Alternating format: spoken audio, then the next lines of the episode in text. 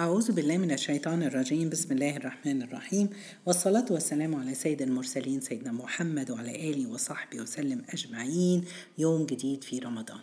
يا رب انفعنا بالقرآن واجعله نورا لنا يا رب العالمين. وانفعنا يا رب وكرمنا جميعا. أخبرنا إيه مع القرآن؟ يا ترى ابتدينا نفهم القرآن أكتر من قصص القرآن؟ ربنا يكرمنا بإذن الله وده غرضنا إن شاء الله في هذا الشهر الكريم. مش عاوزين نسيب المصاحف عاوزين كل يوم ورد بتاعنا ونقرأ الصور والقصص الصور اللي فيها القصص اللي بنقولها كل يوم عشان نفتكرها ونفهمها يلا قبل ما نبتدي الدرس النهارده نبتدي بالصلاة على الرسول عليه الصلاة والسلام. اللهم صل وسلم وبارك على خير خلق الله محمد صلى الله عليه وسلم. في يوم جدتي قالت لي النهاردة هحكي لك قصة من قصص القرآن. قصة النهاردة هي قصة امرأة. واحدة ست. في الجزء الثمانية وعشرين. سبحان الله اسمها خولة بنت الصامت. قصتها جميلة جدا ودي بتورينا قد إيه القرآن بيحترم المرأة وليها قدر مهم جدا. آه سبحان الله آه خولة بنت الصامت كانت متزوجة من رجل اسمه أويس ابن الصامت. وكانت سبحان الله آه متجوزين بقالهم سنين. في يوم من الأيام قال لها أنت علي كظهر أمي. يعني إيه أنت علي كظهر أمي أنت علي كظهر أمي يعني أنت زي أمي. يبقى وكانت دي حاجة موجودة في الجاهلية قبل الإسلام. يعني الزوجة تصبح معلقة ما يقدرش إنه يجامعها ولا يطلقها وتصبح متعلقة كده إذا قال هذه الكلمة. فيوم من الأيام قال لها هو إن انت عليا كظهر امي وبعد كده في يوم حب يجامعها فقالت له لأ ما ينفعش. فسبحان الله قالت هتروح تذهب تسأل الرسول عليه الصلاة والسلام. ذهبت للرسول عليه الصلاة والسلام عشان تسأله إيه الحكم في حاجة زي كده. فسبحان الله الرسول قال لها خلاص انت محرمة عليه ما يلمسكيش. حرمتي يا سبحان الله قال لها يا خولة فقعدت تناقش الرسول تجادل الرسول تقول وتزيد. فقالت له يا رسول الله أخذني وأنا بشبابي ودلوقتي جاي يتركني وأنا كبرت في السن؟ يعني فرصها حتى في الزواج سبحان الله قلت. فقال لها الرسول عليه الصلاة والسلام حرمتي عليه يا خولة. فابتدت تجادل تاني. قالت له يا رسول الله عندي منه أولاد. سبحان الله. إن ضمته إن أخذهم جاعوا وإن ضمتهم إليه ضاعوا. ما عندهاش فلوس تصرف ولو راح معاه قعدوا معاه هو مش هيعرف يأكلهم ولا يشرب.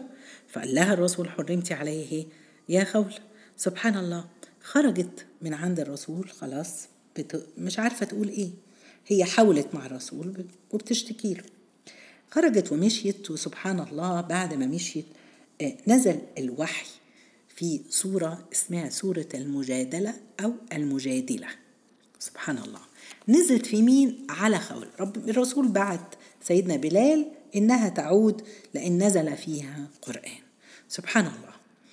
آه يعني والجزء دوت الجزء 28 أول سورة فيه.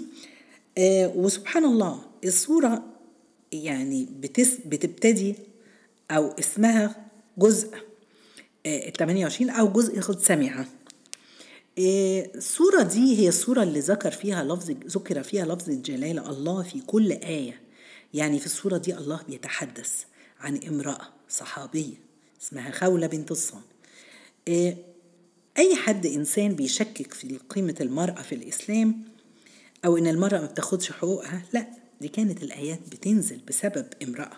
وتقول إنه لا يجوز أن يأخذ الزوج حق زوجته. آه سبحان الله آه لفظ الجلالة لما ذكر في الآيات طب ليه؟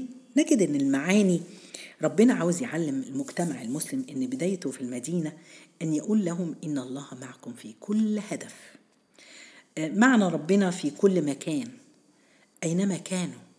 معنى بعلمه بيسمع نقاش الرجل وامرأته مع بعض داخل بيوتهم وبيراهم. لما قال لها أنت علي كظهر أمي سبحان الله تبدأ السورة بقد سمع الله. اعرفوا أن الله بيسمع كل شيء كل كلمة. ربنا بيقول قد سمع الله قول التي تجادلك في زوجها وتشتكي إلى الله والله يسمع تحاوركم. إن الله سميع بصير. سبحان الله ربنا بيسمع النقاش اللي دار ما بين خولة والرسول عليه الصلاة والسلام. وكانت تجادل الرسول عليه الصلاة والسلام. عمالة تحاول تقنعه وتقول له هو ما كانش عنده حكم. فالرسول عليه الصلاة والسلام كل مرة يقول لها خلاص أنت حرمتي عليه كلنا يا جماعة بنشتكي.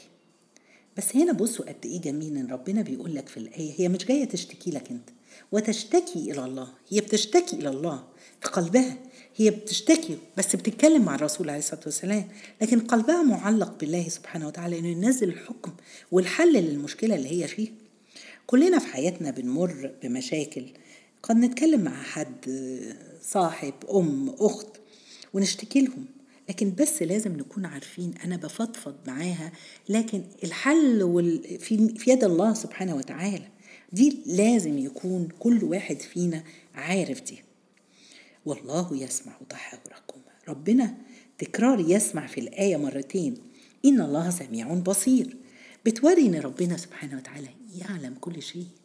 يعلم السر وأخفى سبحان الله.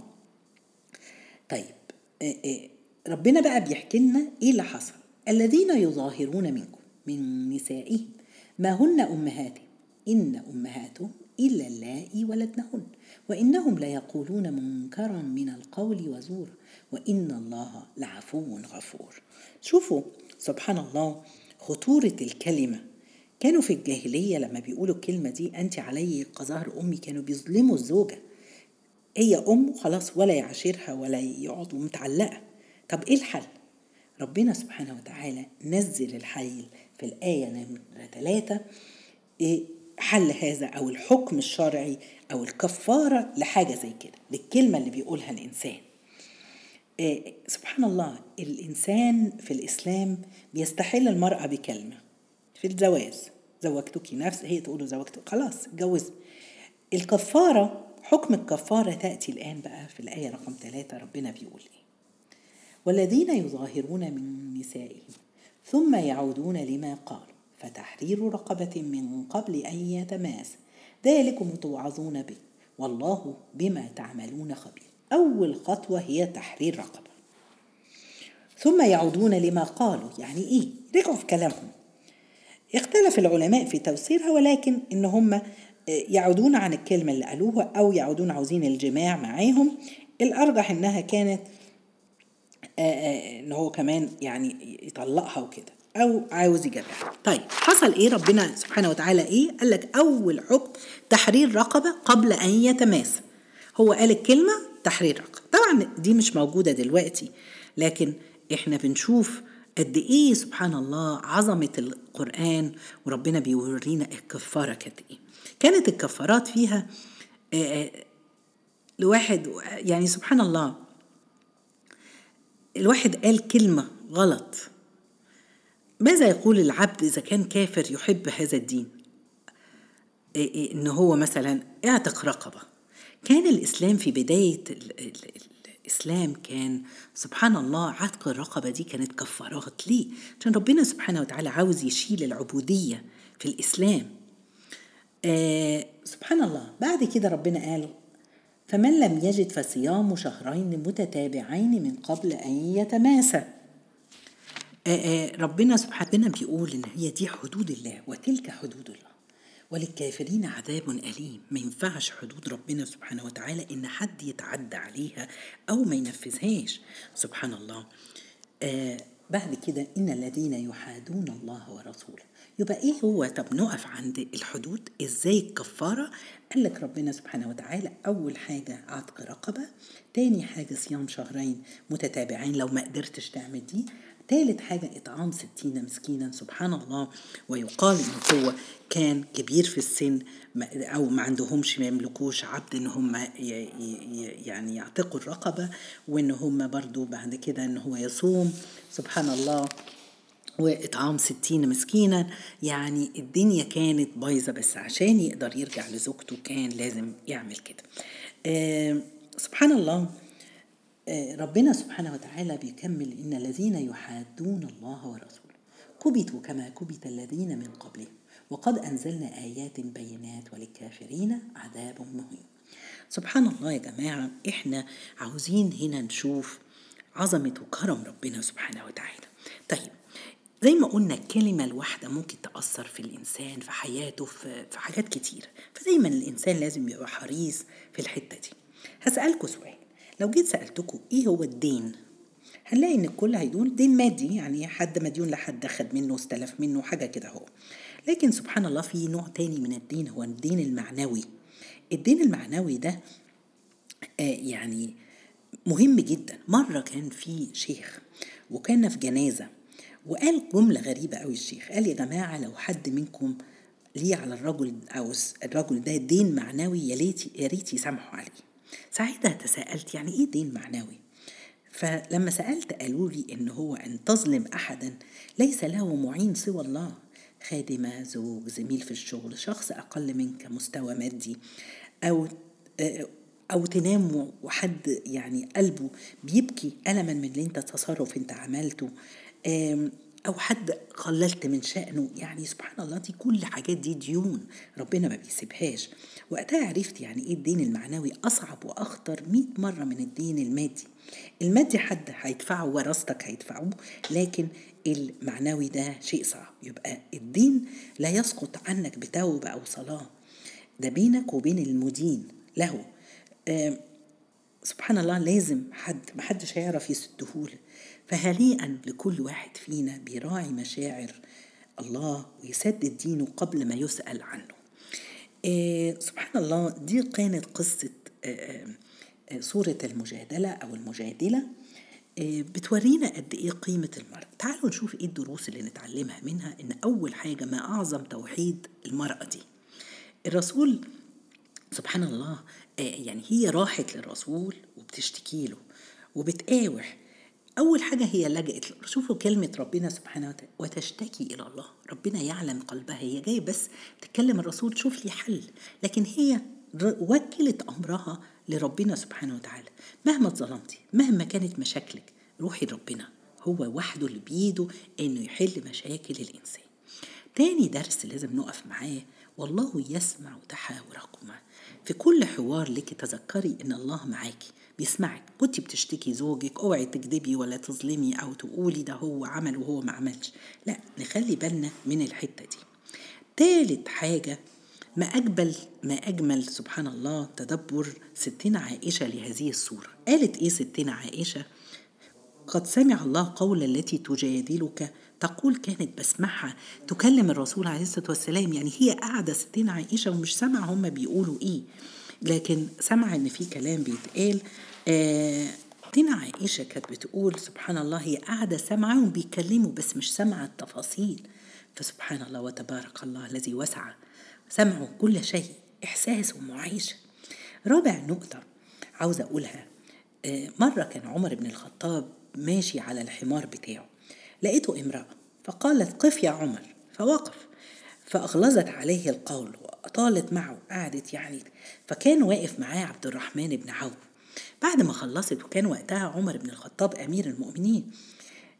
قال له يا أمير المؤمنين ما رأيتك اليوم؟ فقال وما يمنعني أن أستمع إليه وهي التي سمع الله قولها فأنزل فيها ما نزل قد سمع الله قول التي تجي فكانت هي خولة فوقف معاها وقال عبد الرحمن بن عوف قال له والله ألا يسمع لها عمر ولله والله لو أوقفتني ليوم القيامة لوقفت مين فينا عاوز الجنة يا جماعة؟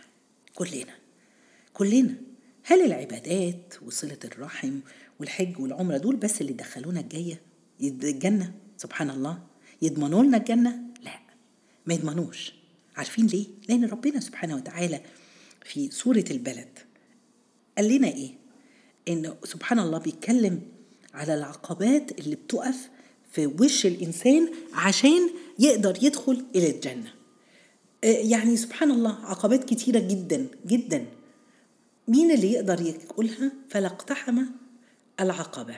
شوفي إيه العقبة؟ العقبة هي الشيء اللي هيقف في وشنا عشان ما نقدرش ندخل الجنة فيه. طيب إيه هي الحاجات دي؟ سبحان الله. تعالوا لو بصينا. وما أدراك ما العقبة؟ يسارع ربنا سبحان الله يورينا إن أداء الفروض مش هي كل حاجة.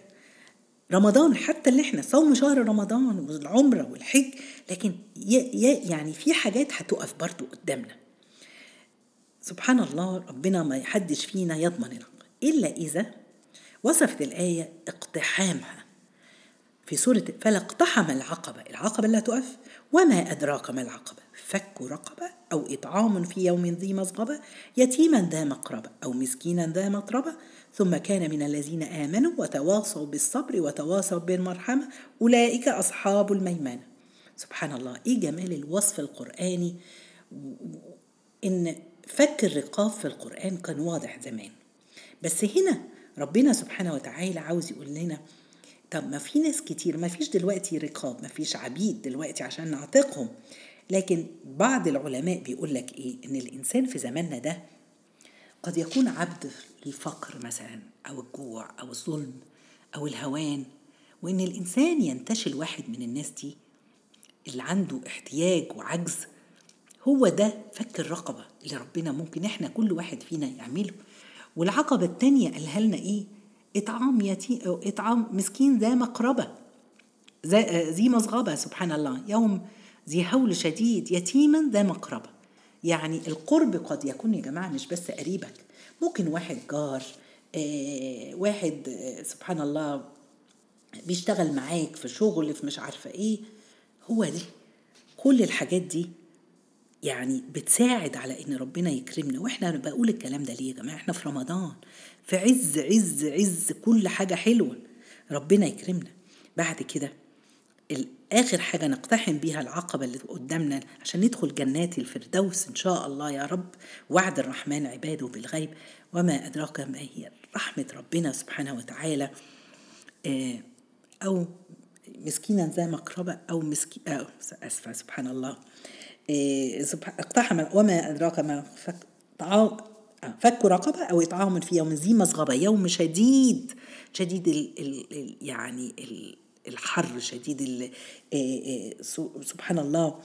يعني حد يعني في يوم شديد على إنسان إن أنت بتفكه تطعمه أو تأكله.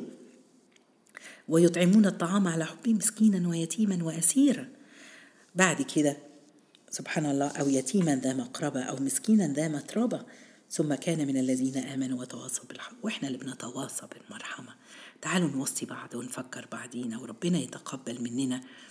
يا ترى هل في منا حد اقتحم العقبة؟ خصوصا في هذه الأيام في رمضان؟